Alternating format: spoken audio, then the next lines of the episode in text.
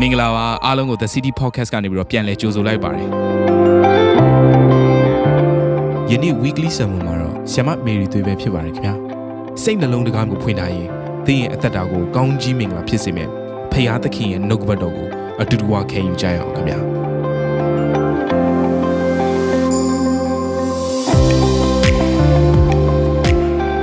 အွန်လိုင်းမှာကြည့်ရှုနေကြတဲ့ယုံကြည်သူမိသားစုများတယောက်စီတိုင်းကိုမင်္ဂလာပါလို့ရှေးဥစွာနှုတ်ခွန်းဆက်သလိုက်ပါတယ်။ကျွန်မကတော့ Mary သွေးဖြစ်ပါတယ်။ The City နဲ့ Cornerstone တင်းတော်နှစ်ခုစလုံးရဲ့ Pastor တူလည်းဖြစ်ပါတယ်။နှုတ်ကပတ်တော်ကိုဆေးလို့ရှားစွာနဲ့စောင့်ဆိုင်မျှော်လင့်တဲ့သူတယောက်စီတိုင်းပေါ်မှာဖခင်ရဲ့ကောင်းချီးမင်္ဂလာသုံးလောင်းပါစေ။အနေနှုတ်ကပတ်တော်ကိုကျွန်တော်တို့မသွားခင်မှာယုံကြည်သူတော်တော်များများမှာမေးလိမေးထားရှိတဲ့မိကွန်းလေးတွေရှိပါတယ်။အဲ့ဒါကတော့ဘာလဲဆိုတော့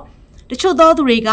ကျမကဖျားမနစ်သက်တဲ့အပြစ်ကို ကျူးလွန်ခဲ့တယ်ဒီအပြစ်ကအရန်ကြီးမားတယ်ဖျားကျမကိုခွင့်လွတ်နိုင်ပါမလားလို့မေးတတ်တယ်တချို့သောသူတွေကကျမကျူးလွန်တဲ့အပြစ်ကကျမကိုကျမတော့ခွင့်မလွတ်နိုင်ဘူးဖျားဆိုရင်ဘလို့ခွင့်လွတ်နိုင်ပါမလဲဆိုပြီးတော့စဉ်းစားတဲ့အရာတွေဖျားရဲ့မျက်မှောက်တော်နဲ့ကျမဝေးသွားပြီးဖျားနဲ့ကျမနဲ့အဝေးကြီးလို့ခံစားနေရတယ်ဒီအပြစ်ကနေကျမဘလို့ယုံထွက်နိုင်ပါမလဲဆိုတဲ့မိကွန်းများစွာလည်းရှိတတ်ပါတယ်အဲ့ဒီခါမှာကျမတို့အမှုတော်ဆောင်အနေနဲ့ပြန်လဲပြီးတော့နှုတ်ပတ်တော်နဲ့ညီသွန်သင်ရတဲ့အရာတွေရှိပါတယ်။အနည်းဒီအရာတွေကိုကျမတို့အာမြင်ရတယ်ကြားရတယ်သိရတယ်ဆိုတဲ့အရာနဲ့ပတ်သက်ပြီးတော့ခဏနှုတ်ပတ်တော်ကတယောက်စီတိုင်းယုံကြည်သူတယောက်စီတိုင်းအတွက်ကောင်းချီးဖြစ်မယ်လို့ကျွန်မယုံကြည်ပါတယ်။ဒီနှုတ်ပတ်တော်ရဲ့ခေါင်းစဉ်ကဖျားစီကိုပြန်လှည့်ခြင်းရဲ့ကောင်းချီးမင်္ဂလာ။ဆိုတော့အခြေပြုကျမ်းကိုကျွန်မအနေငယ်ဖတ်ပြချင်ပါတယ်။နှစ်ကောခန်းကြီး၄အငယ်6ကနေ9ထိဖြစ်ပါတယ်။အနေငယ်ဖတ်ပြပါမယ်နော်။ မောင်မိုက်ထဲကအလင်းထွန်းလင်းမိကြောင်းမိန်တော်မူသောဖရာသခင်သည်ယေရှုခရစ်၏မျက်နာ၌ထွန်းလင်းသောဖရာသခင်၏ဘုန်းတော်ကိုတည်သောဉာဏ်၏အယောင်ကို ပေးလိုသောငါငါတို့စိတ်နှလုံးထဲ၌အလင်းကိုထွန်းလင်းစေတော်မူ၏သို့တော်လည်းတကိုးတော်၏ဂုံတည်သည်ငါတို့နှင့်မဆိုင်ဖရာသခင်နှင့်ဆိုင်မိကြောင်းထိုပန္နာသည်မြေအိုးထဲမှထည့်ထားလျက်ငါတို့၌ရှိဒီနှုတ်ပတ်တော်ကိုကြည့်တဲ့အခါမှာထိုပန္နာသည်လို့ရေးထားတယ် treasure အဲ့ဒီဘန်နာကတဲ့ဘာကိုပြောတာလဲဆိုတော့ယေရှုခရစ်ရဲ့မျက်နာအလင်းမှာအလင်းမှာထွန်းလင်းတဲ့ဘာအလင်းလဲဆိုတော့ဖရာသခင်ကိုသိတဲ့ဉာဏ်အလင်းတဲ့အဲ့ဒီဘန်နာကယေရှုခရစ်ရဲ့မျက်နာမှာထွန်းလင်းတဲ့ဖရာကိုသိတဲ့ဉာဏ်အလင်းဆိုတဲ့ဘန်နာကကျမတို့ရဲ့အထဲဖြစ်တဲ့မြေအိုးဆိုတဲ့သင်ရဲ့ကိုယ်ခန္ဓာထဲမှာဖရာကထည့်ထားတယ်အဲ့ဒီမြေအိုးဆိုတဲ့သင်ရဲ့ကိုယ်ခန္ဓာထဲမှာသင်ရဲ့ဘန်နာထဲမှာထည့်ထားတဲ့အလင်းက ဘာကိုပြောလဲဆိုတော့အဲ့အလင်းကပေါ်ထွက်လာရမယ်တဲ့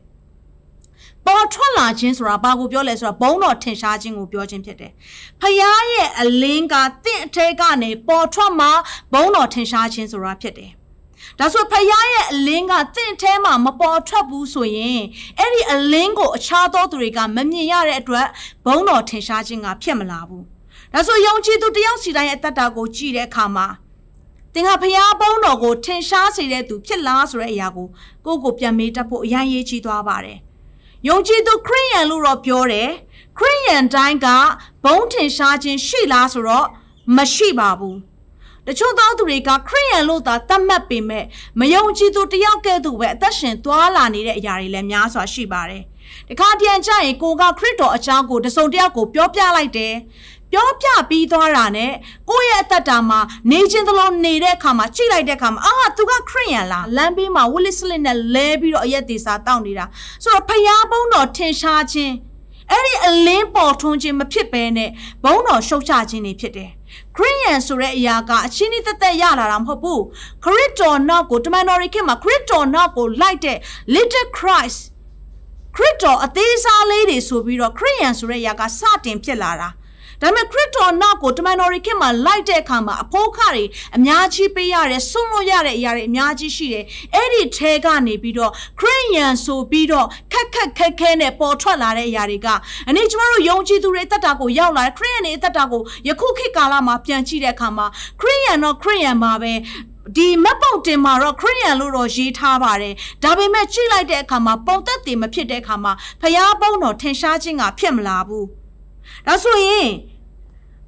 လူရင်းကဖျားပုံးကိုထင်ရှားလားယုံကြည်သူတွေကထင်ရှားလားဆိုတော့မထင်ရှားဘူးအာရနဲ့အေဝရဲ့တက်တာကိုကြည့်တဲ့အခါမှာလဲဘုံထင်ရှားဖို့ရန်အတွက်သူတို့ကိုဖန်ဆင်းထားတာဖြစ်ပေမဲ့ကြာစင်းချင်းကြောင့်ဖျားပေါင်းကိုထင်ရှားခြင်းဖြစ်မလာခဲ့ဘူး။ဘာကြောင့်ဖျားပေါင်းကွယ်ပြောက်ခြင်းတွေဖြစ်လဲဆိုတော့အပြစ်ဒုစရိုက်ကြောင့်ဖြစ်တယ်။ဒါဆိုရင်နှုတ်ကပတ်တော်ထဲမှာကြည့်တဲ့အခါမှာနှုတ်ကပတ်တော်ထဲမှာကျမတို့ကြည့်တဲ့အခါမှာလူအိုးရဲ့ အပြစ်လုပ်တဲ့ဒုစရိုက်နဲ့ပတ်သက်ပြီးတော့ကျွန်တော် compel နှိုင်းရှင်ပြီးတော့ကျွန်တော်ပြောပြချင်ပါတယ်။တယောက်ကတော့ရှောလူဖြစ်ပါတယ်တယောက်ကတော့ဒါဝိဒ်ဖြစ်ပါတယ်။နှုတ်ကပတ်တော်တစ်ချက်မှာဘာကြီးရလဲဆိုတော့ဓမ္မရာဆိုရင်ပထမဆောင်ခန်းကြီး73ငယ်7မှာရှမွေလကတင်းတီအဘယ်သို့ပြုသည်နည်းဟုမေးတော့ရှောလူကလူများတို့သည်ကျွန်ုပ်ထံမှထွက်ပြေးကြောင်းကိုရောသည်ချင်းချက်သောအချိန်တိုင်းမရောက်ကြောင်းဖိလိတိလူတို့သည်မိမ့်မတ်မြို့၌စုဝေးကြောင်းကိုသိမြင်သောအခါဓမ္မရာဆိုရင်ပထမဆောင်အခန်းကြီး73မှာ ဖိလိတိလူလူတွေကဝိုင်းလာပြီးတကယ်ယထာ3000မြင်း6000သမုတ်တရားသဲလုံးနဲ့အများများစွာသောဖိလတိလူတွေကဝိုင်းလာတဲ့အခါမှာရှောလူကဘာလို့လို့ဘာကန်ရမယ်မသိဘူး။ तू စောင့်နေတာကရှမွေလကိုစောင့်နေတာ။ရှမွေလဘယ်တော့လာမလဲဘယ်တော့မလာမလဲစောင့်နေတယ်။အဲ့ဒီခေတ်ကတော့ကရစ်ပူစော်ပြီးမှစစ်တိုက်ရတာ။ဒါပေမဲ့ရစ်ပူစော်ပြီးမှစစ်တိုက်မယ်ဆိုတော့ရစ်ပူစော်ဖို့ကိုရှမွေလကရောက်မလာဘူး။ ရှောလူကအယံမဲ့စိတ်တက်ကြတယ်စိတ်ပြက်တယ်သူရဲ့လူတွေကလည်းစိတ်အာရော့နေပြီးထွက်ပြေးချင်နေကြပြီသူဘာလို့လို့ဘာကန်ရမယ်မသိတဲ့ခေါင်းဆောင်ရှင်ပြန်တယောက်ဖြစ်နေတဲ့အခါမှာအော်တော်ပြီကွာရှမွေလာမလာလဲကိစ္စမရှိဘူးငါကိုယ်တိုင်အဲ့ဒီရစ်ကိုပူဇော်မယ်တကယ်တမ်းလောက်ရမှာကဖယားရဲ့လူရစ်ပရောဟိတ်တို့မ prophet ကနေပဲ तू ကလောက်ရမယ်အရာအခုကတော့ရှောလူက तू လောက်ဖို့ရန်အတွက် तू ပြင်ဆင်နေပြီဒါနဲ့ तू မစောင့်နိုင်ဘဲနဲ့ စစ်တိုက်ဖို့အတွက်သူကရစ်ကိုပူဇော်ခဲ့တယ်ရှမွေလလောက်ရမယ့်အစားကိုသူပူဇော်ခဲ့တာဖြစ်တယ်ဒါကရှောလူရဲ့အဖြစ်ဖြစ်တယ်ဒါပေမဲ့ဓမ္မရာဆိုရင်ဒုတိယဆောင်အခန်းကြီး7မှာကြည့်တဲ့အခါမှာဒါဝိဒ်ရဲ့အဖြစ်ကိုတွေ့ရတယ်။ဒါဝိဒ်ကကြတော့သူဘာကျိုးလွန်လဲဆိုတော့သူတို့ဘာမယားကိုကျိုးလွန်ခဲ့တယ်။ဘာဒရှေဘ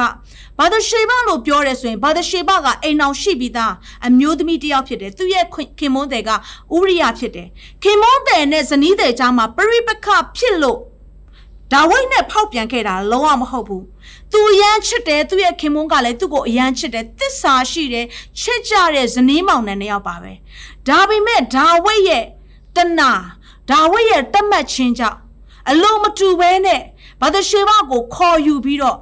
သူကိုယ်တိုင်သားမယားဖြစ်ပြုတ်ကျင့်တဲ့အရာကိုပြုလုပ်ခဲ့တယ်။ဘာသာရှေဘဘက်ကလိုက်လောညီထွေစွာနဲ့ပြုလုပ်ခဲ့တာမဟုတ်ဘူး။သဘောတူလို့လို့တကယ်ဒါဝိဒ်နဲ့ရင်ငံနေလို့မဟုတ်ဘူး။သဘောမတူဘဲနဲ့သူမချိုက်ဘူးသူရဲ့ခင်မုန်းပေါ်မှာတစ္ဆာရှိနေတဲ့အချိန်မှာပင်ရှင်ဘရင်ကကောက်သိမ်းခြင်းကိုခံရတာဖြစ်တယ်။အဲ့ဒီအပြင်ဇနီးတဲ့ကိုသိမ်းပြီးုံသာမကဘဲနဲ့ခင်မုန်းတဲ့ကိုလည်းတကယ်အပြင်းထန်ဆုံးတိုက်ပွဲအကြမ်းတမ်းဆုံးတိုက်ပွဲမှာဆင်လွတ်ပြီးတော့သေပါစေဆိုတဲ့ရည်ရွယ်ချက်နဲ့ဥရိယကိုတမင်တကာမသေးသေးအောင်လို့ဆေလို့ခဲ့တာဖြစ်တယ်ဆိုတော့ဒီဘက်ကိုကြည့်တဲ့အခါမှာရှောလူရဲ့အပြစ်ကရစ်ပူစော်ခဲ့လို့မဆောင်နိုင်လို့ရစ်ပူစော်ခဲ့လို့အပြစ်ပဲဒါပေမဲ့ရှောလူကြောင့်လူမသေးခဲ့ပါဘူးဒါပေမဲ့ဒါဝိတ်ကြောင့်သူများဇနီးတဲ့ခင်မွန်းတဲ့အိမ်အောင်ရေးကကွဲခဲ့တယ်ခင်မွန်းတဲ့ရရဆက်ဆက်တက်ခံရတယ်ဇနီးတဲ့ကိုလည်းမတရားသိမ့်ပိုက်တယ်ဒါဝိတ်ရဲ့အပြစ်လူအနေနဲ့ဆိုရင်ဒါဝိတ်ကအပြစ်ကအယမ်းပဲကြီးမားတယ် အဲ့ဒါတင်မဲလားဆိုတော့မဟုတ်ဘူးကျွန်တော်တို့ကွက်တော်ထဲမှာပြန်ကြည့်တဲ့အခါမှာဓမ္မရောက်ဆွေပထမဆောင်အခန်းကြီး15မှာရှောလူရဲ့အဖြစ်ကိုတွေ့ရတယ်ရှောလူကအာဂတ်ကိုဖမ်းလာတဲ့ရှင်ဘရင်ကိုဖျားတက်ခိုင်းတာမတက်ဘူးရှင်းရှင်းဖြတ်စည်းပါဒီပစ္စည်းတွေလုံးဝမယူနဲ့လို့ပြောတဲ့အရာကိုတခါတဲ့ရှောလူကအကောင်းဆုံးသိုးနွားအစည်းပွားတွေကိုယူလာပြီးတော့ဖယားအတွက်ပါဆိုပြီးတော့သူယူလာခဲ့တယ်တိမ့်ပိုက်ခဲ့တယ်အားလုံးကိုရှင်းရှင်းမဖြတ်စည်းဘဲနဲ့သူယူလာခဲ့တဲ့အပြစ် သူရဲ့အပြစ်ကဖယားအားလုံးကိုရှင်းရှင်းဖြတ်စည်းခိုင်းတဲ့အရာကိုမဖြတ်စည်းခဲ့မိလိုက်တဲ့အပြစ်ဒါပေမဲ့ဒါဝိတ်ကကြတော့ဓမ္မရာဆိုရင်ဒုတိယဆောင်အခန်းကြီး24မှာပါတွေ့ရလဲဆိုတော့ဖယားစကားကိုနားမထောင်ပဲလူရည်တွက်တဲ့အတွက်ကြောင့်ဒါဝိတ်အားဖြင့်လူ9000တယောက်မဟုတ်ဘူးနော်မိသားစုများလူ9000တိတိသေခဲ့တာဖြစ်တယ်တစ်ချိန်တည်းမှာ တရက်ထဲမှာတမနက်ထဲမှာလူ9000ကသေသွားတယ်ဘသူကြောင့်လဲဆိုတော့တယောက်တော့သူရှင်ဘရင်ဒါဝိဒ်ကြောင့်သေခဲ့တာဖြစ်တယ်ရှောလူရဲ့အပြစ်ကမဖြတ်စည်းလိုက်လို့အားလုံးကိုမတတ်မိလိုက်တဲ့အပြစ်ဒါပေမဲ့ဒါဝိဒ်ရဲ့စကားနားမထောင်ခြင်းကလူ9000သေခဲ့တယ်အဲ့ဒီ9000ထဲမှာမိသားစုများစွာတွေတကယ်ကိုပြိုကွဲခဲ့တဲ့အရာရှိမှာပဲ ဆိုတော့ရှောလူရဲ့အပြစ်နဲ့ဒါဝိဒ်ရဲ့အပြစ်ကိုရှင်လိုက်မယ်လူအနေနဲ့ကြည့်မယ်ဆိုရင်ဒါဝိဒ်ရဲ့အပြစ်ကပိုပြီးများပါတယ်ရှောလူရဲ့အပြစ်ကအားလုံးကိုရှင်းရှင်းမပြတ်စည်းမိလိုက်လို့အချိန်လေးစောပြီးတော့သူကရစ်ပူစော်မိလိုက်လို့အပြစ်ပဲဒါဝိတ်ကြောင့်ဖြစ်ခဲ့တဲ့အရာတွေကလူကတကယ်ကိုတောင်းနဲ့ချီပြီးသေးတယ်အိမ်အောင်ရေးတွေပြိုကွဲတယ်လူမြောက်များစွာမျက်ရည်ကျခဲ့တဲ့အဖြစ်ပဲဒါပေမဲ့နှုတ်ကပတ်တော်ထဲမှာပြန်ကြည့်တဲ့အခါမှာဖခင်ကဒါဝိတ်ကိုငါရဲ့စိတ်နဲ့တွေ့တယ်တဲ့ ကျွန်မနားမလည်နိုင်လူအနေနဲ့စဉ်းစားကြည့်ပါဖះရွေးကောက်တဲ့သူကဒီပြစ်မှုတွေကိုကျွလွန်နေတာဖြစ်တယ်အမှုတော်ဆောင်ဖះကိုချစ်တယ်လို့ပြောတဲ့သူတခါတည်းသူများသားမယားကိုဖျက်ဆီးလူတွေကိုတတ်ဖြတ်ပြီးတော့ရက်ဆက်တဲ့သူတယောက်ကတကယ်ကိုအမှုတော်ဆောင်လုပ်တယ်ဆိုရင်လူတိုင်းကလက်ညှိုးထိုးမှာပဲဝိုင်းပြောမှာပဲပြစ်တင်မှာပဲရှုံချမှာပဲဟာဒီဆရာကဘယ်လိုလဲဆိုတော့ပြောမှာပဲ ဒါပေမဲ့အဲ့လိုအပြစ်ကိုဒါဝိဒ်ကရဲရဲဆက်ဆက်ကျူးလွန်ခဲ့တာနော်ဒါပေမဲ့ဘာကြောင့်ဖယားကငါငါရဲ့စိတ်တော်နဲ့ဒါဝိဒ်ကိုတွေ့လေလို့ပြောရရကျမတို့တကယ်စဉ်းစားရခတ်တဲ့အရာဖြစ်တယ်လူအနေနဲ့ဒါပေမဲ့ဖယားကတော့ပြောထားတယ်ငါရဲ့စိတ်နဲ့တွေ့တယ်တဲ့ဘာကြောင့်လဲလို့ကျမကြည့်တဲ့အခါမှာဒါဝိဒ်ကရှောလူနဲ့မတူဘဲနဲ့နောင်တရခဲ့လို့ဖြစ်တယ်ဖယားစီကိုနောင်တနဲ့ပြန်လာခဲ့လို့ပဲဖြစ်တယ်အဲနှုတ်ကတော်တော်မှာကျမထက်ကြည့်တယ် ဖယားကဘာကြောင့်ဘာသရှေဘရဲ့မျိုးနွယ်ကနေပြီးတော့ယေရှုခရစ်တော်ကိုဆင့်သက်စေတာလေဒါဝိဒ်ယူခဲ့တာဘာသရှေဘတယောက်တည်းမှမကတာအဘိဂဲလာတို့လည်းအယံကိုထက်မြက်ပြီးတော်တဲ့နုညံတိမ်မွေ့တယ်ယဉ်ကျေးတယ်ထက်မြက်တယ်တကယ်ကိုလိမ္မာရေးချရှိတဲ့သူဖြစ်တယ်ဒါပေမဲ့အဘိဂဲလာရဲ့မျိုးနွယ်ကနေယေရှုခရစ်တော်မဆင်းသက်လာဘဲနဲ့ဘာကြောင့်ဘာသရှေဘရဲ့မျိုးနွယ်ကနေဆင်းသက်လာတာလဲဆိုတဲ့အရာလေးကိုကျမတို့ စိတ်ဝင်စားဖို့အရန်ကောင်းတယ်။ဘာကြောင့်လဲဆိုအလုံးစုံရဲ့အရှင်မြစ်ကဒါဝိရဲ့နောင်တနဲ့ဖျားစီကိုပြန်လာခြင်းကြောင့်ပဲဖြစ်တယ်။ နိကောခန့်ကြီးခုနှစ်ငယ်30မှာပါရေးထားလဲဆိုတော့အဘယ်သို့နီးဟုမူကားဘုရားသခင်၏အလိုတော်နှင့်ညီသောဝမ်းနေခြင်းသည်ကယ်တင်ခြင်းနှင့်ရှင်သော နောင်တစိတ်တည်းဟုသောမပြောင်းလဲနိုင်သော နောင်တစိတ်ကိုပြုပြင်တတ်၏လောကီဝမ်းဝမ်းနေခြင်းဟုမူကားတေခြင်းကိုပြုပြင်တတ်၏ဒီနှုတ်ကွက်တော်ထဲမှာကြည့်တဲ့အခါမှာအလိုတော်နှင့်ညီတဲ့ဝမ်းနေခြင်းနဲ့တခါတည်းအကျရင်ကျမတို့ကဘာထင်တတ်လဲဆိုဝမ်းနေခြင်းဆိုရင်မကံဘူး ဝမ်းနေခြင်းဆိုကျွန်တော်တို့ကအနှုတ်လက္ခဏာပဲမြင်တတ်တယ်ဘယ်သူမှဝမ်းနေခြင်းကိုမလိုချင်ကြဘူးဒါပေမဲ့ဒီနှုတ်ကွက်တော်ထဲမှာကြည့်တဲ့အခါမှာဝမ်းနေခြင်းမှာနှမျိုးရှိတယ် အလိုတော်နဲ့ညီတဲ့ဝမ်းနေခြင်းကတဲ့ကဲတင်ခြင်းကိုဖြစ်စေတယ်။ဒါပေမဲ့လောကီဝမ်းနေခြင်းကတော့တေခြင်းကိုဖြစ်စေတယ်။အနေမိသားစုများဖခင်ကကျမတို့တက်တာကိုကြည့်တဲ့အခါမှာကျမတို့တက်တာကအလိုတော်နဲ့ညီတဲ့ဝမ်းနေခြင်းနဲ့ဖခင်စီကိုပြန်လာတယ်ဆိုရင်အဲ့ဒီဖခင်ကဘလို့အပြစ်တွေပဲရှိနေပါစေသင်ရဲ့နှလုံးသားကိုပြန်လဲပြီးကောက်ယူပေးတဲ့ဖခင်ဖြစ်တယ်။ ဒီလိုပြောလိုက်လို့တချို့ကဘလို့ထင်တတ်လဲဆိုတော့ဟာငါကြိုက်ပြီပဲငါကြိုက်တဲ့အပြစ်ကိုငါလုပ်တော့မယ်ငါလုပ်ချင်တယ်လို့ငါလုပ်တော့မယ်ပြီးရင်တော့ငါဖះစီပြန်လာပြီနော်ဖះငါကိုခွင့်လွတ်မှာပဲလို့ထင်တတ်တယ်။နေမိသားစုများကျွန်မပြောပြစီ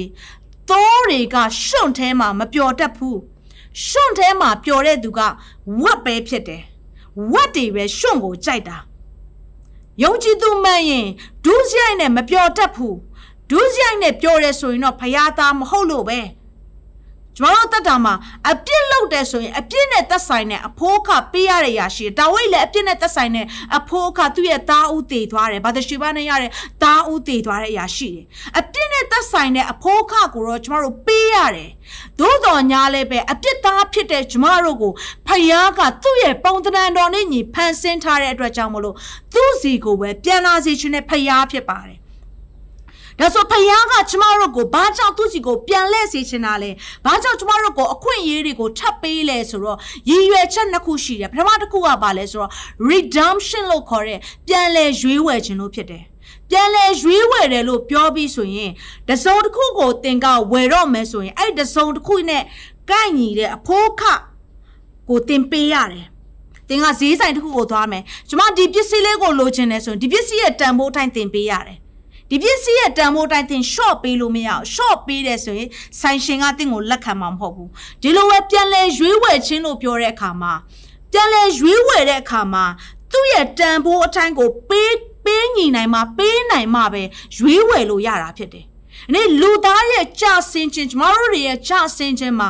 ယေရှုခရစ်တော်ရဲ့အသွေးနဲ့ကျမတို့ကိုပြန်လဲရွေးဝယ်ခဲ့တယ်။ဘာကြောင့်လဲဆိုတော့ဘာသူဘာသာတယောက်စီတိုင်းရဲ့အပြစ်ကအယံကြီးမားတယ်။ တော်ယုံတန်ယုံနဲ့မရဘူး။ကြီးမားတဲ့အပြစ်ရှိတဲ့အတွက်ကြောင့်အပြစ်မရှိတဲ့ယေရှုခရစ်တော်အားဖြင့်ကျမတို့ရဲ့အပြစ်တွေအားလုံးကိုရွေးဝယ်ခဲ့တယ်အပြစ်ရှိသောကျမတို့တွေအတွက်အပြစ်မဲ့သောယေရှုခရစ်တော်ရဲ့အသွေးနဲ့ရွေးဝယ်ခဲ့တာဖြစ်တယ်ဒါကြောင့်သင်တဲ့ကျွန်ုပ်ဟာယေရှုခရစ်တော်ရဲ့အသွေးနဲ့ထပ်တူတန်ဖိုးရှိတဲ့သူတွေဖြစ်တယ် ဖခင်ကကျမတို့ကိုအခွင့်အရေးထပ်ပေးတာကသင်နဲ့ကျမတို့တယောက်စီတိုင်းကရွေးဝယ်ခြင်းကိုခံထိုက်သောရွေးဝယ်ခဲ့ပြီးသောသူများဖြစ်တဲ့အတွက်ကြောင့်မလို့ဖခင်ကပြန်ပြီးတော့သင်ကိုလက်ခံကြိုးဆိုတာပြန်လာခဲ့ပါငါရဲ့သားပြန်လာခဲ့ပါငါရဲ့သမီးမင်းဘလို့အချင်းတွေပဲရှိနေပါစေမင်းရဲ့အပြစ်တွေအတွက်ငါကရွေးဝယ်ခဲ့ပြီးသားဖြစ်တယ်ဒါကြောင့်ငါစီကိုပြန်လာခဲ့ပါဆိုပြီးဖခင်ကခေါ်တာဖြစ်တယ်ဒုတိယဖခင်ရဲ့ရည်ရွယ်ချက်ကဘာလဲဆိုတော့ restoration လို့ခေါ်တယ် restoration ကငကိုမူလပုံစံတိုင်းပဲပြန်ထားတာဖြစ်တယ်ဖခင်ကကျမတို့ကိုရွေးဝယ်ခဲ့ပြီးတာနဲ့ပြစ်ဆက်လက်ကပ်ပစ်ထားတဲ့ဖခင်မဟုတ်ဘူး။သူကရွေးဝယ်ခဲ့ပြီးတဲ့အခါမှာကျမတို့ရဲ့ရှစ်သင့်ရှိထိုက်ဖခင်သားသမီးဖြစ်ခြင်းဆိုတဲ့နေရာအတိုင်းပဲအဲ့ဒီနေရာအတိုင်းပဲတစ်ခုမှတစ်စစ်ကလေးမှမရုပ်ရော့ပဲနဲ့မူရင်းနေရာရက်မှာကျမတို့ကိုပြန်ထားတယ်။ဒီလောက်ကောင်းမြတ်တဲ့ဖခင်ကကျမတို့ကိုဖိတ်ခေါ်နေတယ် မိသားစုများယနေ့ဖယားအသင့်ကိုအခွင့်အရေးပေးတာကရွေးဝယ်ထားတဲ့အတွက်ကြောင့်ဖြစ်တယ်ဖယားအသင့်ကိုအခွင့်အရေးပေးတာကငကိုမူလနေရာမှာပြန်ပြီးရှိစေခြင်းလို့ဖြစ်တယ်နှုတ်ကပတ်တော်ထဲမှာကျွန်တော်တို့ကြည့်တဲ့အခါမှာဟောရှေခန်းကြီး6ငယ်တက်မှာလာကြထာဝရဘုရားထံသို့ပြန်ချကုန်အံကိုရောတီကိုက်ဖြတ်တော်လဲပဂတိဖြစ်စေတော်မူမီဒဏ်ခတ်တော်လဲအနာကိုစီးတော်မူမီခဏတင်းရဲ့နှလုံးသားတွေတစားစီဆုတ်ဖြဲခြင်း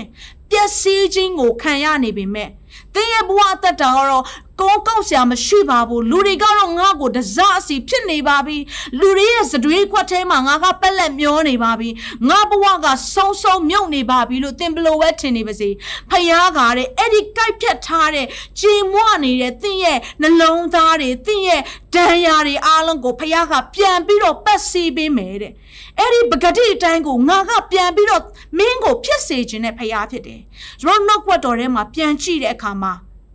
ဖယားစီကနေဖောက်ပြန်ပြီးရွေ့လျော့သွားခြင်းကနေဖယားစီကိုပြန်ပြီးတော့လဲ့လာတဲ့အခါမှာဘလို့ကောင်းချီးမင်္ဂလာကိုခံစားခဲ့ရလဲဆိုတော့လူတစ်ယောက်အကြောင်းနဲ့ပတ်သက်ပြီးတော့ဆက်ပြီးတော့ဝေမျှသွားမှာဖြစ်တယ်။ကပောင်ချန်ခန်းကြီး39အငယ်26ကနေ29အထိဖြစ်တယ်။အနေငယ်ဖက်ပြချင်ပါတယ်။ ယူရကငါတို့တင်ကြီးကိုတက်၍တေချောင်းကိုဖွက်ထားလျင်အဘယ်ကျေးဇူးရှိသနည်း။ကင်ကြ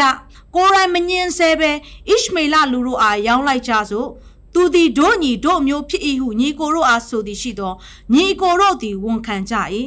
ဒီ background လေးကိုကြည့်တဲ့အခါမှာဒီနေ့အဲ့ဒီလူတယောက်နဲ့ယူဒဆိုတဲ့လူတယောက်နဲ့ကျွန်တော်ပတ်သက်ပြီးတော့ဝေမျှချင်တာဖြစ်တယ်ယူဒကယာကုပ်နဲ့လေအာတို့ရဲ့ရရတဲ့သားဖြစ်တယ် ဒါပေမဲ့ယောသက်ကကြတော့ယာခေလနဲ့ယာကုပ်ရဲ့ရတဲ့သားဖြစ်တယ်ဒါဆိုယူရာနဲ့ယောသက်ကဖအေတူမအေကွဲတွေဖြစ်တယ်။တနည်းအားဖြင့်လေအာနဲ့ယာခေလာကလည်းညီမအရင်ဖြစ်တယ်။ဆိုဒီထဲမှာကြည့်တဲ့အခါမှာယာကုတ်ကသူ့ရဲ့ background လေးကိုကျွန်တော်ပြောပြချင်တယ်နော်။ယာကုတ်ကလေအားကိုမချစ်ဘူး။အရန်ရုပ်ဆိုးတယ်။လေအားရဲ့မျက်လုံးကတောင်တလုံးမြောက်တလုံး။အရန်ရုပ်ဆိုရဲသူလေအားကိုတစ်စက်မှမချစ်ဘူး။ तू ချစ်တာယာခေလာ။ ရာခေလာအတွက်ဆိုရင်ဘလောက်ပဲအဖိုးကပေးရဘလောက်ပဲအသက်ကိုပင်ပေးရပေးရ तू ပေးနိုင်တယ်ဒါပေမဲ့ तू မချစ်တဲ့လီအာကနေရလာတဲ့သားသမီးတွေကအများကြီးအဲ့ထဲမှာယူရကလည်းအကိုကြီးတော့တယောက်အပါဝင်ဖြစ်တယ်ဆိုတော့လီအာရဲ့ဘဝကိုကြည့်တဲ့အခါမှာ तू ကခင်မွန်းတဲ့ရဲ့ချစ်ချင်းကိုမခံရဘူးသားသမီးတွေများစွာမွေးဖွားပေးပါလျက်နဲ့ခင်မွန်းတဲ့ရဲ့ဥပိ္ပခါပြုခြင်းကိုခံရတယ် အမျိုးသမီးများရဲ့စိတ်နေတဘာဝဘယ်လိုလဲဆိုတော့ကိုယ့်ရဲ့ခံစားချက်ကိုခင်မွန်းတဲ့ကိုပြောလို့မရရင်ဘယ်သူကိုလည်းပြောတတ်လဲဆိုတော့မိသားစုထဲမှာရှိတဲ့သူ့ရဲ့သားကြီးသမီးကြီးတွေအကြီးပိုင်းတွေကိုသူ့ရဲ့ခံစားချက်တွေကိုဝေမျှတတ်တယ်ဆိုကျမမြင်အောင်ကြည့်ပဲလီအာကသူ့ရဲ့ခံစားချက်တွေကိုသူ့ရဲ့သားတွေကိုအထူးသဖြင့်သားကြီးဖြစ်တဲ့ယူရာကိုလည်းဝင်မြမှာပဲကလေးတွေကလည်းလီအာနဲ့ရတဲ့သားသမီးတွေကလည်းငယ်စဉ်ကလေးကနေပြီးတော့ သူ့ရဲ့ဖခင်ရဲ့စွန့်ပစ်ခြင်းကိုခံရတဲ့မိခင်ရဲ့အကြောင်းအရာတွေကိုသူကြားမှာပဲအ ਨੇ နဲ့အများကတော့သူတို့ side effect ခံစားရမှာပဲအခုကာလအခုနှုတ်ပတ်တော်ကိုကြည့်တဲ့အခါမှာဘာကိုတွေ့ရလဲဆိုတော့တရက်တော့ယောသက်က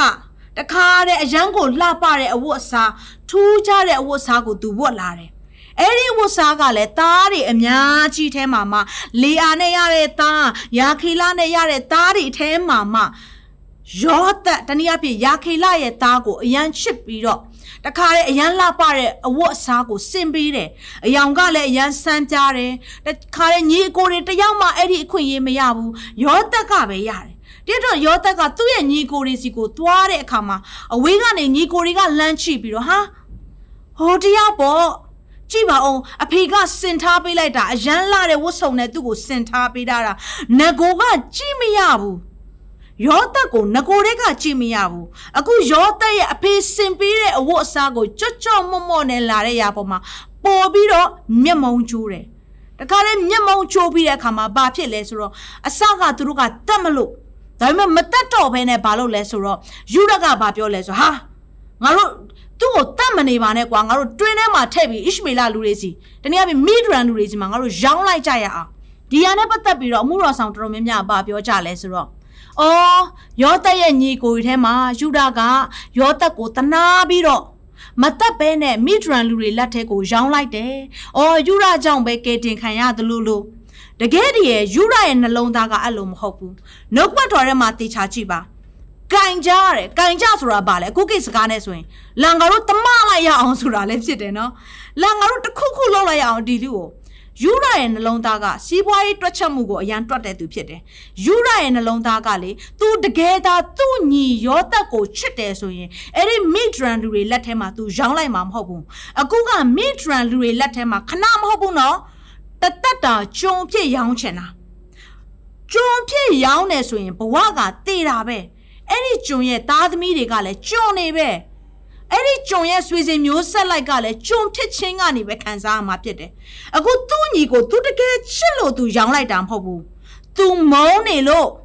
သူမချင်နဲ့လို့တကယ်သာသူ့ညီကိုသူချစ်တယ်ဆိုရင်အကိုကြီးတယောက်နေနဲ့မင်းတို့ကွာမလောက်ချပါနဲ့ကွာအာငါတို့ငါညီပဲကွာငါတို့ညီပဲကွာမင်းတို့အချင်းချင်းစိတ်လျှော့လိုက်ပါကွာဆိုပြောမှာအခုတော့အလိုမဟုတ်ကင်ကြချကြ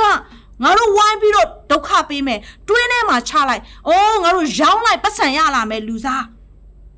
တွက်ချက်တတ်တဲ့လူစားသူ့ရဲ့နှလုံးသားထဲမှာမကျေနပ်ချက်တွေနဲ့မုန်းချက်မှုတွေရှိတယ်နောက်တစ်ခုကဘာလဲဆိုသူ့ရဲ့လက်မှာအသွေးကိုမသွန်းချင်ဘူးတတ်လိုက်တယ်ဆိုအသွေးသွန်းပါလေအခုကအရှင်လက်လက်နဲ့တတ်လိုက်တယ်လို့ပဲရောင်းစားလိုက်တာကိုလက်မှာလည်းအသွေးမစွန်းပတ်စံလည်းရတယ်သူလည်းဒုက္ခရောက်သွားတယ်နီလန်းကိုယူရကတုံးလိုက်တာဖြစ်တယ်ဒါနဲ့ အဲ့ဒီအခြေအနေကနေပြီးတော့ယူဒကသူ့ညီကိုရောင်းစားတဲ့အထဲမှာသူကိုယ်တိုင်ဥဆောင်တဲ့သူဖြစ်လာသည်ဒါမကပဲနဲ့ဘလို့ best light ထပ်ဖြစ်လဲဆိုတော့ကပောက်ချန်ခန်းကြီး38အငယ်1မှာထိုကာလအခါယူရသည်ညီကိုနေရာမှသွား၍ဟိရအမည်ရှိသောအဒုလန်အမျိုးသားထံသို့ဝင်လေ၏ဒီထဲမှာကြည့်တဲ့အခါမှာအဒုလန်အမျိုးသားတဲ့ယူရသည်ညီကိုနေရာမှသွား၍ Judah went down from his brethren went down went down လို့ရေးထားတယ် down ကျဆင်းသွားတာသူကဒါကလေကာယဘိုင်းမှာ physical ဘိုင်းမှာပဲ went down ဆိုတဲ့အရာကျဆင်းသွားတဲ့အရာကိုပြောတာမဟုတ်ဝိညာဉ်ဘိုင်းစာမှာလဲယူရကကျဆင်းသွားတယ်တခါတည်းအကိုနေရာမှာကနေပြီးတော့ညီကိုနေရာကနေရွေ့သွားပြီးတော့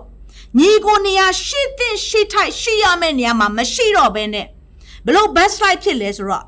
တပားအမျိုးသားတွေစီကိုသူရောက်သွားတယ်ညီကိုရဲ့ရှိရမယ့်နေရာကနေရွေ့သွားပြီးတော့သူ့ရဲ့အပေါင်းအသင်းတွေအကုန်လုံးကတပားအမျိုးသားတွေဖြစ်နေတယ်တနည်းအားဖြင့် one down ကျဆင်းသွားတဲ့အရာကယူရာက best life ဖြစ်သွားခြင်းလည်းဖြစ်တယ်ဒါနဲ့ best life ဖြစ်သွားပြီးတော့သူကပြီးလာဆိုတော့မပြီးဘူးဘာဆက်ဖြစ်လဲဆိုတော့အငယ်နှစ်မှာထိုရက်၌ရှုဟာအမိရှိသောခါနန်အမျိုးသား၏သမီးကိုတွေးမြင်ရဲ့အိမ်တောင်ဘက်ဖြူလျက် ဘာထပ်ပြစ်လဲဆိုတော့တဘာမျိုးသားတွေနဲ့ပေါင်းဖော်ယုံတာမကဘဲနဲ့အဲ့ဒီခါနန်အမျိုးသမီးတနည်းအားဖြင့်တဘာအမျိုးသားနော်အဲ့ဒီအမျိုးသမီးကိုသူကလက်ထပ်ယူလိုက်တယ်အာဗြဟံလက်ထက်မှာကြည့်တဲ့အခါမှာအာဗြဟံကခါနန်ပြည်မှာရှိတဲ့အခါမှာလေအဲ့ခါနန်အမျိုးသမီးတွေနဲ့သူ့ရဲ့သားအေးဆက်ကရသွားမှသူစိတ်ပူပြီးတော့သူ့ရဲ့ဂျွန်ကိုသူနေထိုင်တဲ့ ခါရန်ပြည်ကိုသွားပြီးတော့ဆေလို့ခဲ့တယ်။ဘာကြောင့်လဲဆိုတော့မယုံကြည်သူအမျိုးသမီးတွေနဲ့လက်ထပ်သွားမှာဆိုတဲ့အတွက်ကြောင့်အခုကယူရကဘာလို့လဲဆိုတော့အဲ့ခါနန်အမျိုးသမီးနဲ့သူလက်ထပ်တယ်။ရှုအားလို့ခေါ်တယ်ခါနန်အမျိုးသမီးနဲ့သူလက်ထပ်တယ်။မိသားစုများပြန်ပြောပြမယ်နော်။ယူရကညီကိုကိုရောင်းယုံနဲ့ပဲသူကြဆင်းသွားတာမဟုတ်ဘူး။တပားမျိုးသားတွေနဲ့ပေါင်းဖော်ပြီးတော့ရှစ်တင်ရှိထိုက်တဲ့ညီကိုဖြစ်ချင်းကနေသူကြဆင်းသွားတယ်။အဲ့ဒီပြင်ကိုတပားအမျိုးသမီးကိုလည်းလက်ထပ်လိုက်သေးတယ်။ ဓမ္မမျိုးသမီးကိုလက်ထက်တဖြည်းဖြည်းနဲ့သူကလေအာကြာစင်းတဲ့ကြာစင်းတဲ့ကြာစင်းတာတယ်အဲ့ဒါကဝိညာဉ်တက်တာမှာကျွန်တော်တို့ကိုဘာပြောလဲဆိုတော့တခါတည်းကျရင်တင်းရဲ့တက်တာမှာဖျားစီကနေတင်းလက်ရမယ့်အရာကနေရွေ့သွားတာနဲ့တခြားဘက်ကိုတင်းမျက်နှာမူလိုက်တာနဲ့တဲ့ရဲ့ကြဆင်းခြင်းကလေဖျားဘက်ကနေရွေ့သွားတာနဲ့ကြဆင်းတဲ့အရာကအပြစ်ဒုစရိုက်ကဇတိုက်ဇတိုက်ဇတိုက်ဇတိုက်ဖြစ်လာတယ် ဒါကြောင့်ကျွန်တော်တို့ရဲ့ဥတီချက်ကဖျားစီကိုဥတီတက်ဖို့ရန်အတွက်အရင်ရေးကြီးတယ်။လေ့သွားလိုက်တာနဲ့ဇရိုက်ကြဆင်းဖို့ရင်စာတန်ကဆွဲချနေမှာဖြစ်တယ်။အခုယူရာကလည်းသူကဇရိုက်ဇရိုက်ကြဆင်းလာတယ်။အဲ့ဒီအပြင်ကိုဘာထက်ဖြစ်လဲဆိုတော့ယူရာကရှုအာနဲ့ရတဲ့ပထမသားကြီးကအေရာဖြစ်တယ်။အေရာကအရန်ဆိုးသွမ်းတဲ့အခါမှာဖះဖះရဲ့ဆုံးမခြင်းကိုခံရပြီးသူတေဆုံးသွားတယ်။ဒါနဲ့ဘာထက်ဖြစ်လဲဆိုတော့သူတေဆုံးသွားတဲ့အခါမှာသူ့ရဲ့ဇနီးတဲ့တာမာကြံခဲ့တယ်။ အရင်ခေတ်တုန်းကဣသရေလလူတွေခေတ်မှာဘယ်လိုမျိုးရှိလဲဆိုတော့တားကြီးကတည်ဆုံးသွားတယ်ဆိုရင်အဲ့တားကြီးရဲ့ဇနီးတဲ့ကိုဒုတိယသားကဆက်ပြီးတော့ယူရတယ်ယူဘာကြောင့်ယူရလဲဆိုတော့သူ့ရဲ့ဆွေစဉ်မျိုးဆက်ကိုဆက်ပြီးတော့ထိမ့်သိမ့်ဖို့ရန်အတွက် generation ကိုထိမ့်သိမ့်ဖို့ရန်အတွက်ယူရတယ်ဖြစ်ရှင်တော့ဒုတိယသားကအောနန်အောနန်ကယူပြီးတဲ့အခါမှာအောနန်ကဖျားစကားကိုနားမထောင်တဲ့အတွက်အောနန်ကလည်းထပ်ပြီးတော့တေဆုံးသွားတယ်ဒါနဲ့တတိယသားကဆက်ယူရတော့မယ် သူတို့အစင်ဆက်ဆက်ယူရတာဟုတ်ဒါတတိယသားကဘာလို့လဲဆိုတော့ရှေလဖြစ်ရှင်တော့ရှေလကအရန်ငယ်သေးတယ်ရှေလကမိမယူရမယ့်အရွယ်မဟုတ်သေးတဲ့အခါမှာတခါတည်းယူရကစဉ်းစားပြီးငါသားရှေလမှာလဲ ဒီတာမာနဲ့ယူလိုက်ပြီးရင် तू တက်ခံရရင်ဘယ်လိုလုပ်မလဲဖះစကားနားမထောင်ခြင်းကြောင့်အရန်လဲငယ်သေးတယ်ဆိုတော့မဖြစ်သေးဘူးဒါနဲ့ယူရကသူ့ရဲ့ဇနီးတဲ့အာဒီရှုအားတီဆုံးသွားပြီးရဲ့နောက်ပိုင်းမှာတရက်တော့သူကတိမနက်မြို့ကိုသုံးမွေးညက်ဖွင့်ရအတွက်သွားတဲ့အခါမှာအဲ့ဒီလမ်းမှာပြေတစာမနဲ့သူကအတူအိတ်ခဲ့တယ်ဒါနဲ့ပြည်ဆောင်မကိုငွေချေးပေးဖို့ရန်အတွက်မရှိတဲ့အခါမှာသူ့ရဲ့ဒစိတ်တွေဆလွယ်တွေတောင်ဝေးတွေကိုသူအနှင်းခဲ့တယ်။ ဒါပေမဲ့အပြည်ဆောင်မနဲ့သူအိတ်ခဲ့ပြီးတဲ့နောက်ပိုင်းမှာသူ့ရဲ့ချွေးမတားကြီးရဲ့မိန်းမဖြစ်ခဲ့တဲ့ချွေးမတာမာကတရက်တော့ကိုဝင်ရှိလာတဲ့အခါမှာဟာဒါဘသူနဲ့ကိုဝင်ရှိတာလဲဆိုပြီးဖြစ်လာတယ်။နောက်ဆုံးပြန်ကြည့်တဲ့အခါမှာအဲ့ဒီချွေးမတာမာကပြည်တစားမဟန်ဆောင်ပြီးတော့ဒီမျိုးနွယ်ကိုဆက်ပြီးထိမ့်သိမ့်ဖို့ရန်အတွက်ရောက်မှဖြစ်တယ်ပေါ့နော်။အာဒီယူဒာနဲ့သူကအိတ်ဆက်ခဲ့တာဖြစ်တယ်။ဆိုတော့အဲ့ဒီတာမာရဲ့မျိုးနွယ်ကနေပြီးတော့ယေရှုခရစ်ကဆင်းသက်လာတယ်။ ဟာကျွန်တော်စဉ်းစားတဲ့အခါမှာဟာယူဒာ background ကကောင်းတဲ့သူမှမဟုတ်တာ။ကြည့်အောင်ဒီလိုအခြေအနေတွေအများကြီးကိုဖြစ်ခဲ့တာဒီလောက်ဖျားစီကနေနောက်ပြန်လှည့်ခဲ့တာဖျားစကားကိုနားမထောင်ခဲ့တာ backslide ဖြစ်ခဲ့တာဓမ္မမျိုးသားတွေနဲ့ပေါင်းခဲ့တာမယုံကြည်သူမိမကိုယူခဲ့တာသားတွေကလည်းအစင်ဆက်တက်ခံရတာတေးဆုံးခဲ့တာဘုရားစကားနားမထောင်ခြင်းကြောင့်ဘာကြောင့် အဲ့ဒီတာမာရဲ့မျိုးနွယ်ယူဒရဲ့မျိုးနွယ်ကနေပြီးတော့ယေရှုခရစ်ကဆင်းသက်လာတာလေအဘိဂဲလာတို့မှာမစင်သက်ဘူးလားဘာကြောင့်ဒီမျိုးနွယ်မှာမှစင်သက်လာလဲဆိုတော့ယူရာကသူကပြည့်စုံတဲ့နောင်တ အပြည့်အဝနောင်တနဲ့ဖယားစီကိုပြန်လာခဲ့တာဖြစ်တယ်ဆိုတော့ဘာကြောင့်အပြည့်အဝနောင်တနဲ့ယူရာကဖယားစီကိုပြန်လာခဲ့တယ်လဲဆိုတဲ့အရာကိုကျမတို့နှုတ်ကွက်တော်ထဲမှာအထူးတကွကြည့်ရအောင်ဘာဦးချန်ခန်းကြီး44ငယ်33မှာခဏလောက်နဲ့ငယ်ဖက်ပြရှင်ပါတယ်တို့ဖြစ်၍ကိုရောကျွန်းသည်သူငယ်အတွက်နေရည်၍သခင်တန်ကျွန်ခံရသောအခွင့်သူငယ်ကိုကအကိုရောနှင့်အတူသွားရသောအခွင့်ပေးတော်မူပါဒီ background လေးကိုပြန်ကြည့်တဲ့အခါမှာ အဲ့ဒီချိန်ကာလမှာယောသက်ကဒုတိယရှင်ပြန်ဖြစ်နေပြီအီဂျစ်ပြည်မှာအရန်ကောင်းစားတယ်ဒါပေမဲ့ဣသရေလပြည်နဲ့တခြားနေရာတွေမှာအကုန်လုံးအစာငတ်မခေါင်းမခြင်းတွေဖြစ်နေတယ်ဒါနဲ့ဘာလုပ်လဲဆိုတော့ယောသက်ရဲ့ညီအကိုတွေကလာပြီးတော့အီဂျစ်မှာအစာလာဝယ်တယ်ပြည့်ချင်တော့အစာလာဝယ်တဲ့အခါမှာစားတဲ့ရိတ်ခါတွေလာဝယ်တဲ့အခါမှာဘယ်သူကပါလာလဲဆိုတော့ဘေယမိန်ပါလာတယ်ဘေယမိန်ကယောသရဲ့ ညီလည်းဖြစ်တယ်တနည်းအားဖြင့်ယာခေလရဲ့သားဖြစ်တယ်သူရဲ့ညီအရင်ဖြစ်တယ်ပါလာတဲ့အခါမှာယောသက်ကအဲ့ဒါကိုတွေ့တဲ့အခါမှာသူ့ညီကိုပြန်မလွတ်ချင်ဘူးပြန်မလွတ်ချင်တဲ့အခါမှာနောက်တည့်ရက်သူတို့သွားမယ့်အချိန်မှာအဲ့ဒီမတိုင်ခင်မှာယောသက်ကဘာလုပ်လဲဆိုတော့သူ့ရဲ့ဂျုံကိုယောသက်ကဒုတိယရှင်ပြန်ဖြစ်နေပြီနော်သူတို့ကိုအစာလာဝယ်ပြီးတော့ပြန်တဲ့အချိန်မှာဘီယမင်းရဲ့အိတ်ထဲမှာငါတောက်တဲ့ငွေဖလားခွက်ကိုသွားထည့်တာ သွားထည့်ပြီးတော့တခိုးလို့သူကဆွတ်ဆွဲမယ်ဆွတ်ဆွဲပြီးတော့သူ့ညီကိုသူကနေခက်ခိုင်းမဲ့အရာဖြစ်တယ်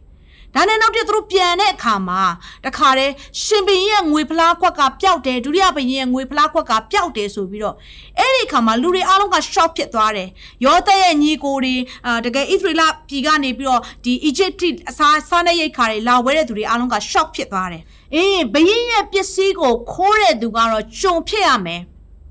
အဲ့လိုပြောတဲ့အခါမှာညီကိုတွေကလည်းဟာဟုတ်ပြီကျွန်တော်တို့ကဘရင်ရဲ့ပစ္စည်းကိုလုံးဝမယူပါဘူးဘရင်ပစ္စည်းယူခဲ့တဲ့သူရှိတယ်ဆိုရင်အဲ့ဒီလူရဲ့ဘဝကတတ်တာကြုံဖြစ်ပါစေဟုတ်ပြီဒါနဲ့ရှာတယ်တယောက်ပြီးတယောက်ရှာတယ်အဲ့ထဲမှာမတွေ့ဘူးဒါပေမဲ့ဘသူအိမ်မှာသွားတွေ့လဲဆိုတော့ဘီယမင်ရဲ့အိမ်မှာသွားတွေ့တယ်ဘီယမင်အိမ်မှာသွားတွေ့တဲ့အခါမှာတခါတည်းအဲ့ဒီအခြေအနေမျိုးရခင်ကကြုံလာခဲ့တဲ့အခြေအနေမျိုးထပ်ဖြစ်လာတယ် အဲ့ဒါကဘာလဲဆိုတော့ဘရင်အိမ်မှာတွေးတဲ့သူကတသက်တာကြုံခံရမယ်မိသားစုများအရန်ရေးကြည့်ပါပြီတေချာနာထောင်ကြည့်ပါရခင်ကယူဒာကသူ့ရဲ့ညီယောသက်ဖေးတူမအေခွဲကိုကြုံဖြစ်ရောင်းစားဖို့ရန်အတွက်သူကိုယ်တိုင်ဦးစီးခဲ့တဲ့အရာဖြစ်တယ်အခုအခုလေဖေးတူမအေခွဲဖြစ်တဲ့ဘီယမင်ယောသက်ရဲ့ညီအခြေအနေမှာကြုံအဖြစ်ပေးလိုက်ရဖို့ရန်အခြေအနေတစ်ခုဖြစ်လာတယ် တစ်ချိန်ကသူ့ညီကိုသူရောင်းစားခဲ့တဲ့ယူဒအခုသူ့ညီကိုကြုံဖြစ်ပေးရမယ့်အခြေအနေရောက်လာပြီတစ်ချိန်ကသူရောင်းစားခဲ့တယ်အခုသူပါလို့မလဲဆိုတော့အဲ့ဒီ time machine လို့ပဲရခင်ကသူ့ဘဝမှာဖြတ်တန်းခဲ့တဲ့အခြေအနေအဲ့ဒီအချိန်ဆက်ဝိုင်းကြီးကိုတကြောပြန်လာပြီအမှန်ကသူကယူဒကအေးအေးဟုတ်ပြီဒီတစ်ခေါက်ဒီတစ်ခေါက်မှလည်းမင်းတို့တွေ့တယ်ဆိုတော့အဲဘီယမင်ကိုကြုံဖြစ်ရောင်းစားရင်ရောင်းစားပေါ့ ငါတို့ကတော့လွတ်သွားပြီဆိုတော့အဖေကိုပြန်ပြီးတော့ပြောရတော့မယ်လीအဲ့ဒီလိုမျိုးသူရွေးချယ်လိုက်လို့ရတယ်။ဘာကြောင့်လဲဆိုတော့သူ့ညီရင်းမမဟုတ်တာ။ဖေးတူမေခွဲလေသူရမ်းမုန်းတဲ့ရာခေလရဲ့သားရောသက်ရဲ့ညီဖြစ်နေတာ哦။ဒါပေမဲ့ဒီအချိန်မှာသူကအဲ့ဒီလိုမျိုးလုံးဝမလုပ်ခဲ့ဘူး။နှုတ်ခွက်တော်ထဲမှာပါရေးထားလဲဆိုတော့ let the let go up with his brethren သူငယ်ကိုကအကိုတို့နဲ့တူသွားရတော့အခွင့်ပေးတော်မူပါ။သူဘာလုပ်လဲဆိုတော့ဒီညီငယ်ဘီယမင်ကို သူရမ်းချစ်တယ်။စဉ်းစားကြည့်ပါမိသားစုများ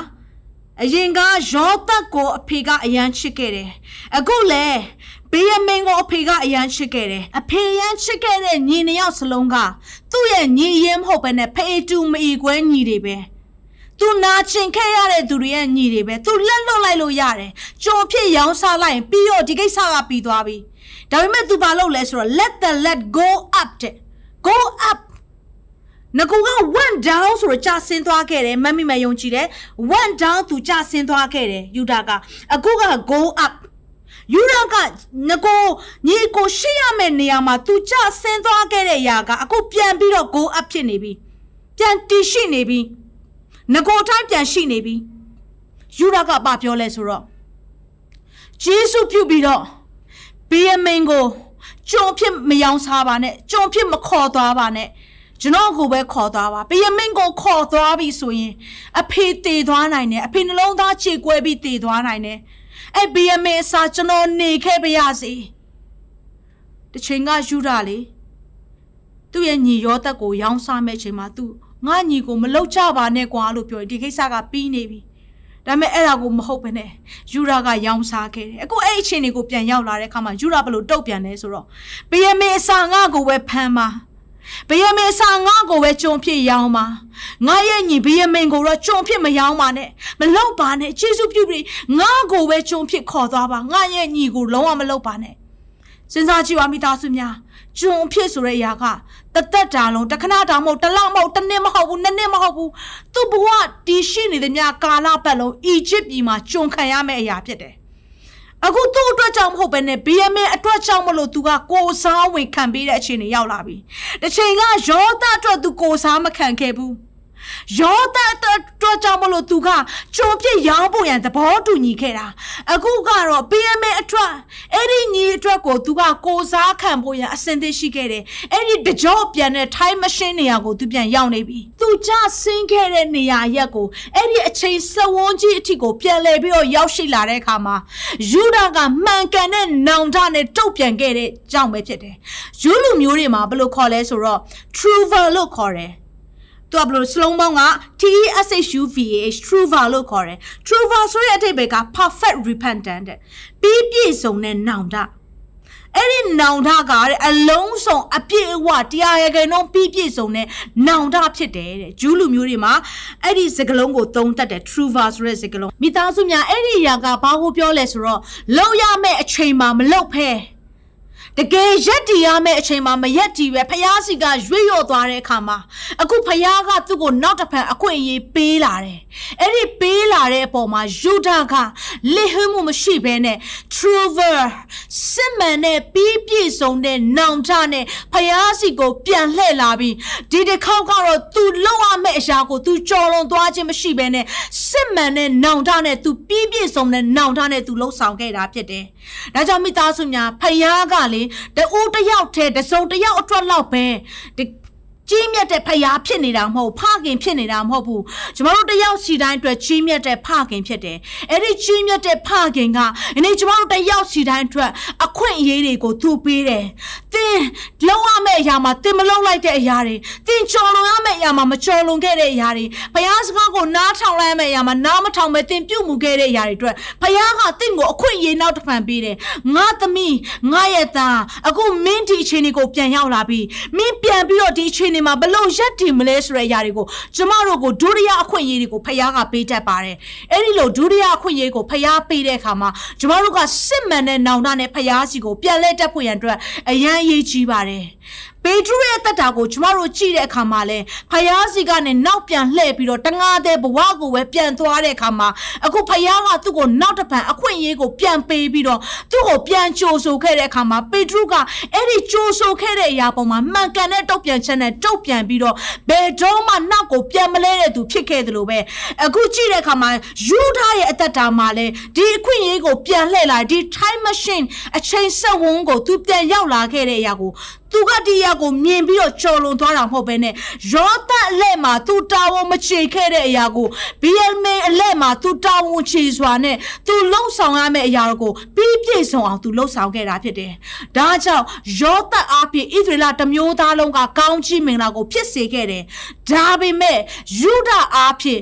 ယေရှုခရစ်တော်ရဲ့ generation ဆွေစဉ်မျိုးဆက်ဖြစ်လာခဲ့တယ်။ဒါကြောင့်မိသားစုများယနေ့သင်ရဲ့အသက်တာမှာနောက်မချသေးပါဘူး။ဖယားစီကိုပြန်လှည့်လာပါ။ဖယားကသင်ကိုအခွင့်အရေးပေးခြင်းနဲ့သင်အတွက်ဒုတိယအခွင့်အရေးကိုဖယားပေးခြင်းနဲ့သင်ရဲ့အပြစ်ကဘလောက်ပဲကြီးနေပါစေ။ဘလောက်ပဲဖယားစီကနေအဝေးဆုံးကိုသင်ထွက်ပြေးနေပါစေ။ဘယ်တော့မှသင်ကိုသင်ခွင့်မလွတ်နိုင်တော့ဘူးလို့ထင်ရလောက်အောင်ကြီးမားနေပါစေ။ဖယားကသူ့ရဲ့မြစ်တာနဲ့သင်ကိုလက်ကမ်းကြိုဆိုနေပါတယ်။ယူဒရဲ့နောင်တကဖယားရဲ့ဆွေစဉ်မျိုးဆက်လို့အထိပါလာတဲ့အထိကောင်းကြီးဖြစ်စေသလိုယူဒရဲ့နောင်တကချီးမွမ်းခြင်းဆိုတဲ့ယူဒမျိုးနွယ်အားဖြင့်ချီးမွမ်းခြင်းယူဒတို့ရဲ့ရှင်သစ်မင်းဆိုတဲ့အထိလူတွေကပြောလာတဲ့အထိယခုတက်တိတိုင်ကျမတို့ကချီးမွမ်းခြင်းနဲ့ပတ်သက်ပြီးပြောတဲ့အထိအဆင့်ထိဖြစ်နေသလိုပဲအဲ့ဒီသင်ကဖျားစီကိုပြန်လှည့်လာမယ်ဆိုရင်သင်ရဲ့နောက်ကျောင်းနေသင်ရဲ့အတိတ်တွေသင်ရဲ့အမဲဆက်တွေလူတွေကဘလို့ပဲပြစ်တင်နေပါစေပြောနေပါစေဘလို့အခြေအနေတွေပဲရှိနေပါစေယူဒကဖျားစီကိုပြန်လှည့်တဲ့အခါမှာကောင်းကြီးမင်္ဂလာကိုခံစားရတဲ့ကဲ့သို့သင်ကဖျားစီကိုပြန်လှည့်လာမယ်ဆိုရင်ကြီးမားတဲ့ကောင်းကြီးမင်္ဂလာဆွေစဉ်မျိုးဆက်နဲ့သက်ဆိုင်တဲ့ကောင်းကြီးမင်္ဂလာအခြားသောသူတွေနဲ့မတူတဲ့တမူထူးခြားတဲ့ကောင်းကြီးမင်္ဂလာကိုသင်ရဲ့အသက်တာမှာရရှိခံစားရမှာဖြစ်ပါတယ်။ဒါကြောင့်ဒီနှုတ်ခွက်တော်အဖြစ်ကျွန်မခွန်အားပေးခြင်းနဲ့မိသားစုများတယောက်စီတိုင်းဘလို့အရှင်နေပဲဖြစ်နေပါစေလက်မလျှော့တဲ့ဖခင်ကတင့်ကိုဘယ်တော့မှလက်မလျှော့ဘူးတင်ဘလောက်ပဲဖခင်စီကနေအဝေးဆုံးပြေးနေပါစေ အဲ့ဒီဖခင်ရဲ့အချစ်ကလိုက်ရွေ့မိတဲ့အချစ်နဲ့တင့်ကိုချစ်တာဖြစ်တယ်ဒါကြောင့်ဒီနေ့မှာပင်လင်ဖျားစီကိုပြန်လှည့်လာပါ။တင်းရဲ့နှလုံးသားဖျားစီကနေဝေးသွားတဲ့အရာတွေကနေဖျားစီကိုပြန်လှည့်လာပါ။ဒုစရိုက်ကြောင့်ဖျားစီကနေဝေးသွားတဲ့အရာတွေကနေဖျားစီကိုပြန်လှည့်လာပါ။အချိန်တွေကြောင့်ဖျားစီကနေဝေးသွားတဲ့အရာတွေကနေဖျားစီကိုပြန်လှည့်လာပါ။ ဖယားတင်းရရှိမှာအခွင့်အရေးတွေချထားပေးပါတယ်။အဲ့ဒီအခွင့်အရေးကိုအမိအရနဲ့စုပ်ကင်ပြီးရယူတတ်တော်သူများဖြစ်ကြပါစေ။ယူရာကဲ့သို့ကောင်းချီးမင်္ဂလာကိုခံစားရရှိတော်သူများဖြစ်ကြပါစေ။ဒီနှုတ်ကပတ်တော်အဖြစ်တယောက်စီတိုင်းကိုပြန်လည်ဝင်မြရင်နဲ့ခွန်အားအပေးလိုက်ပါတယ်။တယောက်စီတိုင်းပေါ်မှာဘုရားရှင်တာဝေကောင်းချီးပေးပါစေ။ဒီအစီအစဉ်လေးအပြင်တင်းရဲ့အသက်တာမှာကောင်းကြီးဖြစ်မယ်ဆိုတာ ကိုကျွန်တော်ယုံကြည်ပါတယ်ဗီဒီယိုကြည့်ပြီးခံယူလို့သူများအတွက်အပတ်စဉ်တရားဟောခြင်းများ Bible Study ကြီးမွန်ကိုယ်ွယ်ခြင်းနဲ့အခြားသောအကြောင်းအရာတွေဟာတင်းအတွက်အဆင်သင့်ရှိနေပါတယ် YouTube မှာ The City Space TV လို့ရိုက်ထည့်လိုက်တဲ့အခါကျွန်တော်တို့ကိုတွေ့ရှိမှာဖြစ်ပါတယ် subscribe လုပ်ခြင်းအပြင်သင်တဲ့ထက်ချက်မကွာအမြင်ရှိနေပါပါဒါအပြင် Facebook မှာလည်း The City ရန်ကုန်လို့ရိုက်ထည့်လိုက်တဲ့အခါတည်င်းအချက်အလက်နဲ့ poster တွေကိုအချိန်နဲ့တပြေးညီတွေ့ရှိအောင်မှာဖြစ်ပါတယ်ခင်ဗျာ The City Podcast ကိုနားထောင်ကြတိုင်း ဖျားသခင်ရဲ့ထူကြသောဖွင့်ပြချက်နဲ့ကောင်းကြီးမင်္ဂလာများခံစားရမိကြောင်းကျွန်တော်ဆုတောင်းရင်ဤစီစဉ်လေးကိုဒီမှာပဲညှိနှိုင်းပါရစေခင်ဗျာ